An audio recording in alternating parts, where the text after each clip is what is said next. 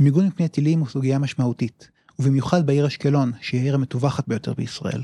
ערב מלחמת חרבות ברזל, לרבים מתושבי אשקלון לא היה מיגון. מה היקף המחסור הזה?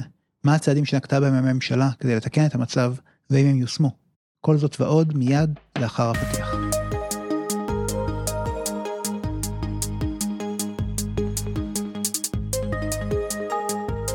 שלום, ברוכים הבאים למחקר בשלוש קריאות, הפודקאסט של מרכז המחקר והמידע של הכנסת. שמי אודי בקר, אני חוקר במרכז ועורך הפודקאסט. אנחנו מקליטים את הפרק היום במהלך מלחמת חרבות ברזל. אחד ההיבטים החשובים של המלחמה הוא הנושא של מיגון העורף, מפני פגיעות טילים שהם משוגרים לישראל מרצועת עזה. היום נדבר על מיגון העיר אשקלון, נושא שעסקנו בו במרכז המחקר והמידע עוד לפני מלחמת חרבות ברזל, נמצא איתנו דוקטור נורית יחימוביץ' כהן, חוקרת במרכז המחקר והמידע, שכתבה מסמך בנושא מיגון העיר אשקלון. שלום נורית. שלום אודי. נורית, המסמך שלך כולל הרבה מאוד נתונים אה, שבעיניי הם מאוד מעניינים ורלוונטיים לשאלת המיגון במהלך מלחמת חרבות ברזל. אני אשמח אם נוכל להיכנס אליהם. אני אתחיל עם שאלה אה, על באמת העיר אשקלון. העיר אשקלון ידועה כעיר שמטווחת הרבה מאוד על ידי טילים, לא, לא מהיום ולא מאתמול. אפילו אפשר להגיד אולי שהיא העיר המטווחת ביותר בישראל. זה נכון מה שאני אומר? זה נכון, וזה גם די מעניין, כי אשקלון לא נמצאת ב, בתוך uh, מה שנקרא אזור עוטף עזה. עוטף עזה uh, הוא אזור שנמצא עד לגבול של שבעה קילומטר uh, מהרצועה, mm-hmm. ואשקלון נמצאת במרחק של 11 קילומטר מהגדר. דרך אגב, זה גם uh, גוזר שזמן ההתראה שלה יהיה 30 שניות, התראה על uh, ירי טילים. כן. ובתקופות מסוימות נורו לכיוון אשקלון מאות אה, ואלפי טילים, למשל, אם אנחנו מדברים אה, עכשיו על מלחמת חרבות ברזל שעדיין אה, לא הסתיימה, נכון להיום אנחנו מקליטים את הפודקאסט הזה בשישה בדצמבר, מאז תחילת מלחמת חרבות ברזל עד היום היו באשקלון 548 התראות, וזה בעצם כפול ממספר ההתראות שהיו באשדוד. וגם אה, הרבה יותר ממספר ההתראות שהיו בערים כמו באר שבע, שדרות, נתיבות או אופקים. אז באמת העיר אשקלון סובלת מאוד מהאיום של טילים שמשוגרים אליה מרצועת עזה.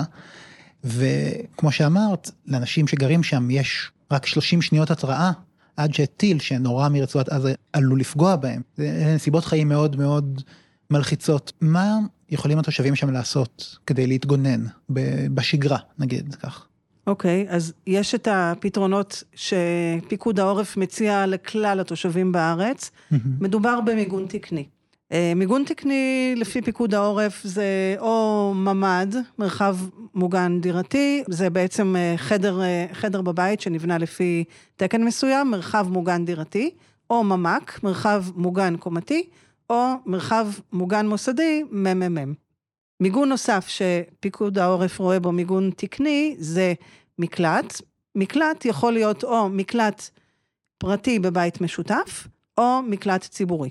אלה אמצעי מיגון שהם יכולים להיות מותקנים בכל בניין או בית בכל ישראל, נכון? נכון. באשקלון עצמה, מה, אם אנחנו נסתכל על אמצעי המיגון האלה או דברים אחרים, מה מצב הדברים שם?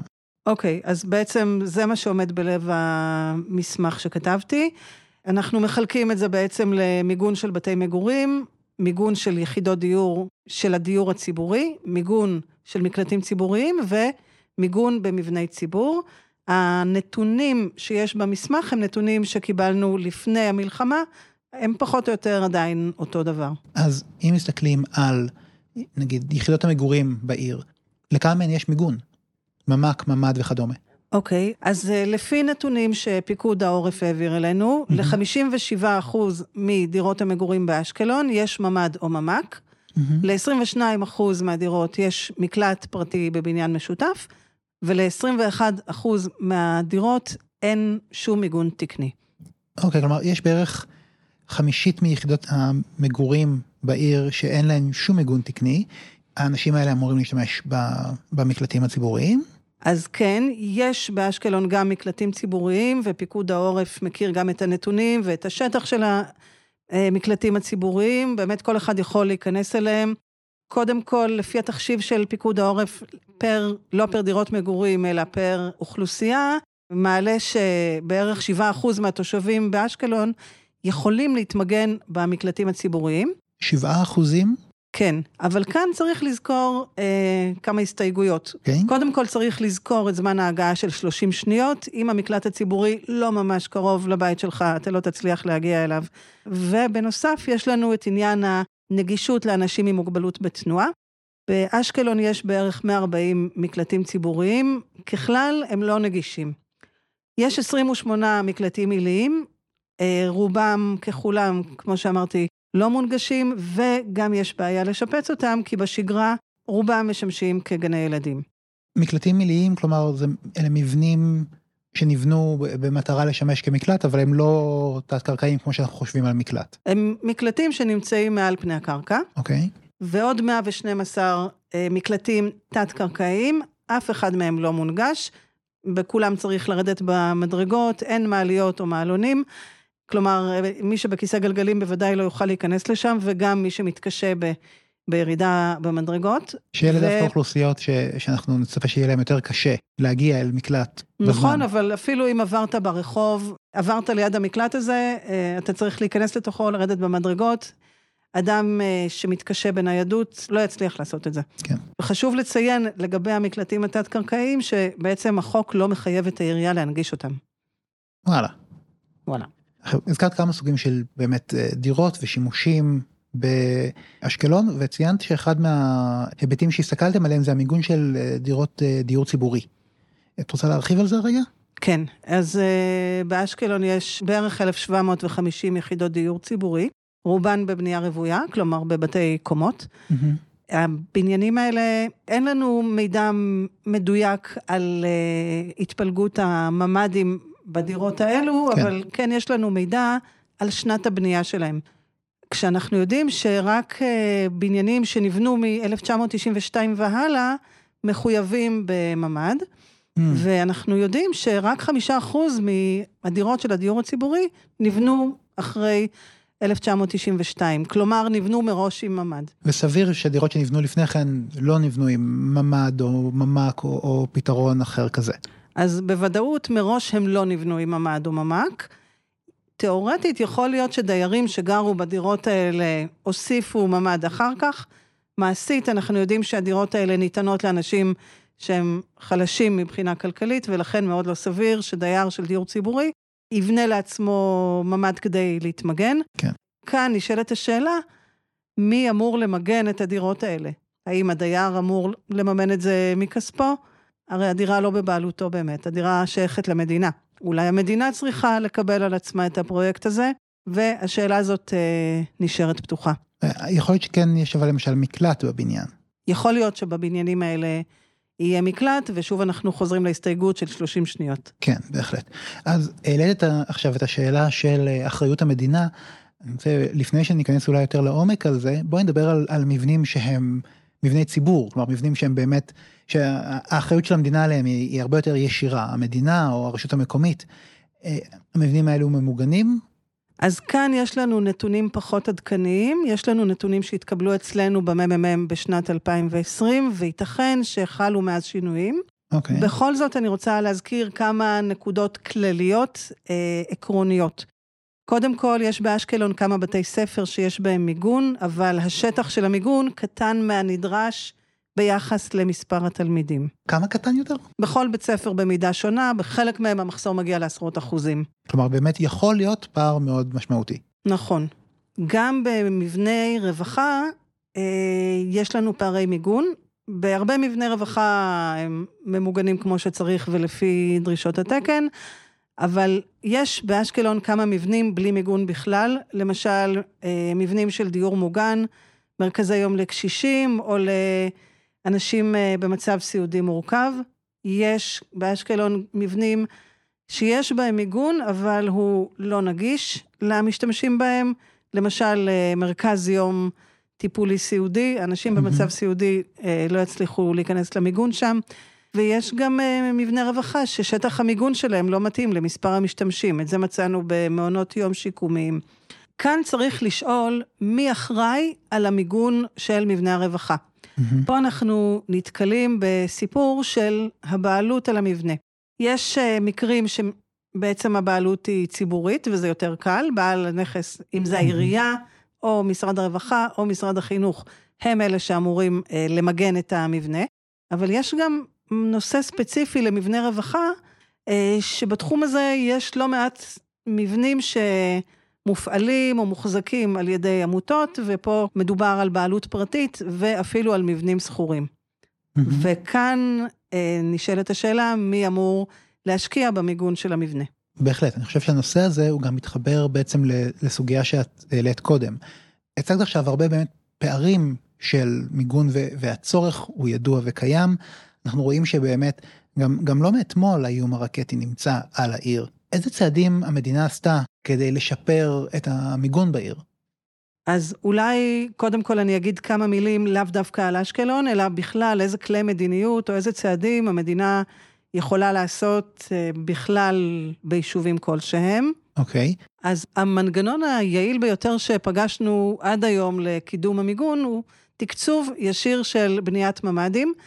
במה שנוגע לאזור הדרום, זה נעשה רק במבנים שנמצאים בעוטף עזה, בטווח שדיברנו עליו של שבעה קילומטר מהגדר. כן. הצעד הזה בעצם אה, הוא יעיל, כי זה בעצם המקום היחיד שהצליחו לסגור בו את כל פערי המיגון. אוקיי. יש צעדים נוספים שהם פחות יעילים, ותכף נדבר עליהם יותר בפירוט. קודם כל יש מודלים לסיוע במימון המיגון, אה, זה מודל שהתקבל בהחלטת ממשלה לאחרונה, באשקלון, סיוע במימון באמצעות הלוואות ומענקים לאנשים שאין להם מיגון.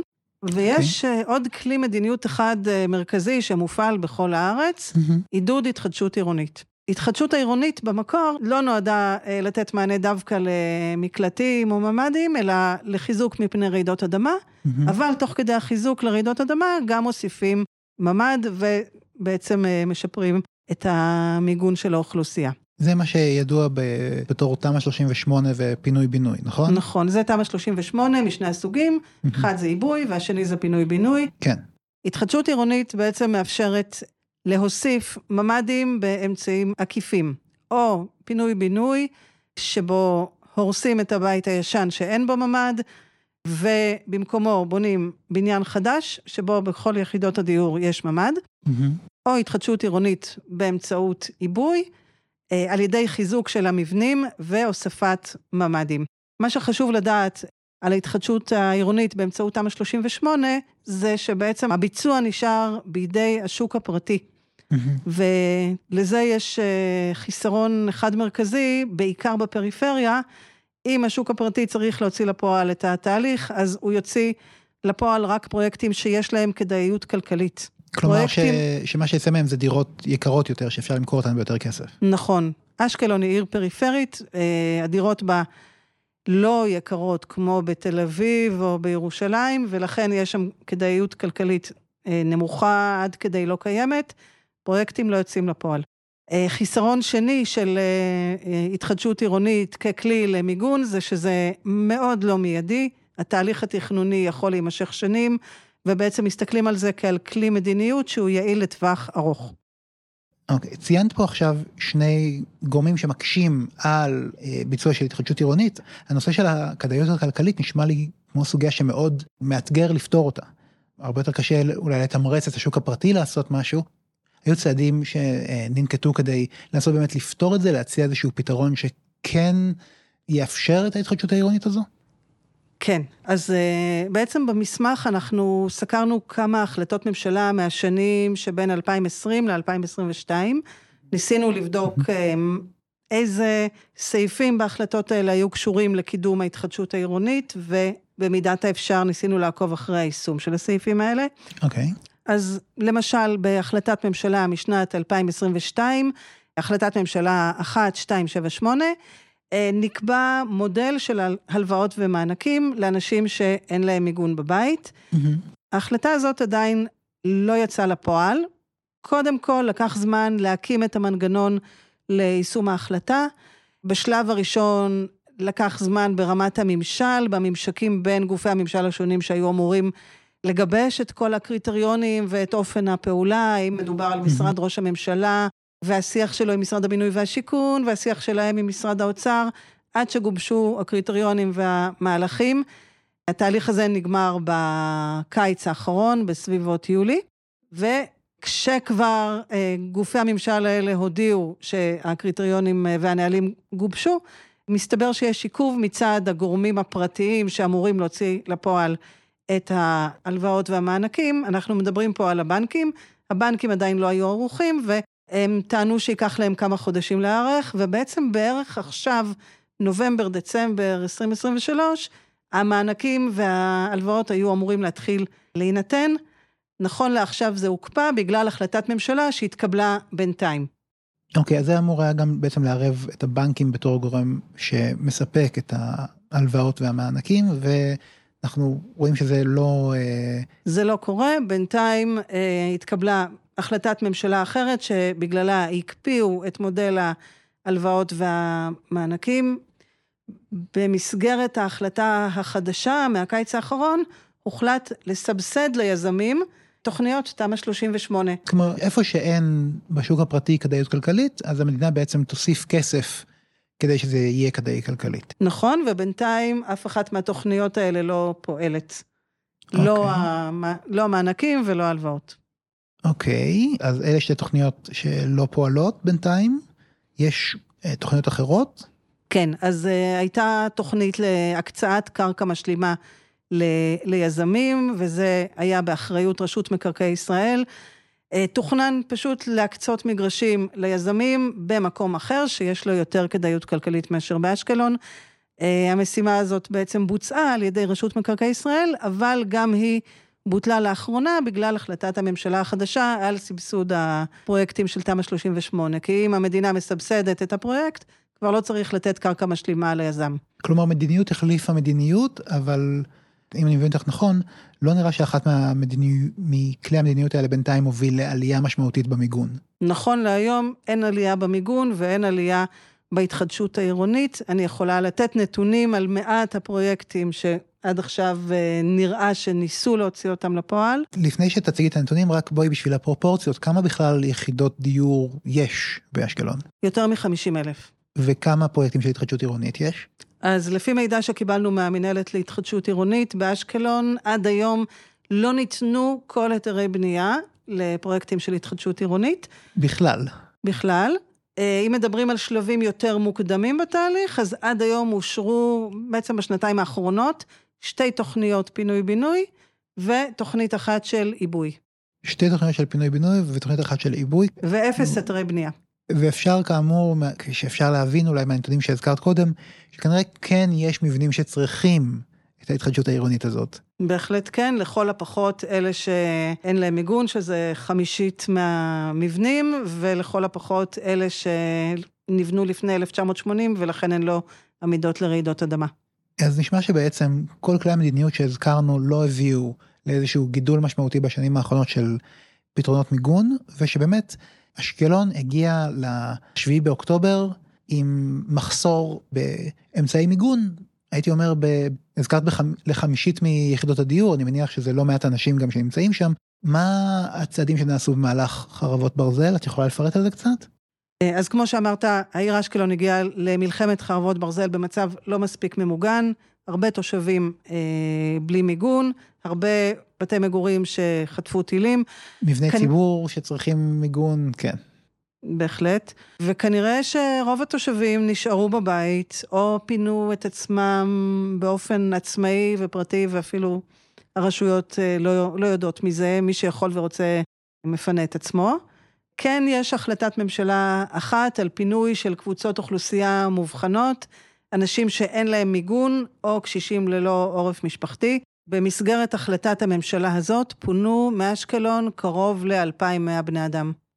אז אם אני אסכם את מה שדיברנו עליו עד עכשיו, העיר אשקלון נמצאת בסכנה מתמדת של טילים, אבל יש לה באמת מחסור במיגון שנראה שלא הצליחו לכסות עליו לפני המלחמה, וכנראה גם במהלך המלחמה לא יצרו פתרון ארוך טווח ש, שמכסה את הפערים האלה. לכל מה שקשור בבינוי, באמת אין פתרונות uh, מיידיים. כן, אבל גם בעצם בשנים האחרונות לא נראה שהיה איזשהו צעדים שהובילו לפתרון ארוך טווח, אפשר לקוות שהמדיניות שקיימת כן תשפר את המצב הזה. ובכל מקרה, זה לא יקרה מהר. כן, זה לא יקרה מהר, וכפי שאנחנו ראינו, לצערנו הרב, זה בדיוק מהדברים שאתה לא יודע מתי הם הולכים לקרות, וחשוב להתכונן אליהם, במיוחד בעיר המטווחת ביותר בישראל. נורית יחימוביץ' כהן, חוקרת במרכז המחקר והמידע, תודה לך. תודה רבה. אני חושב שהנושא הזה, למרות שהתמקדנו בעיר אשקלון, יש כאן בסיס לשיחה אולי רחבה יותר על מיגון שאפשר יהיה לנהל בהמשך. המסמך המלא של נורית שכולל נתונים נוספים ומידע נוסף על אה, מדיניות והיבטים נוספים של מיגון העיר אשקלון אפשר למצוא באתר מרכז מחקר והמידע ובדברי הסבר לפרק הזה. אה, מסמכים נוספים שעוסקים במלחמת חרבות ברזל או בהיבטים אחרים של ביטחון העורף ומיגון אפשר למצוא באתר מרכז המחקר והמידע. תודה שהייתם איתנו וניפגש בתוכנית הבאה.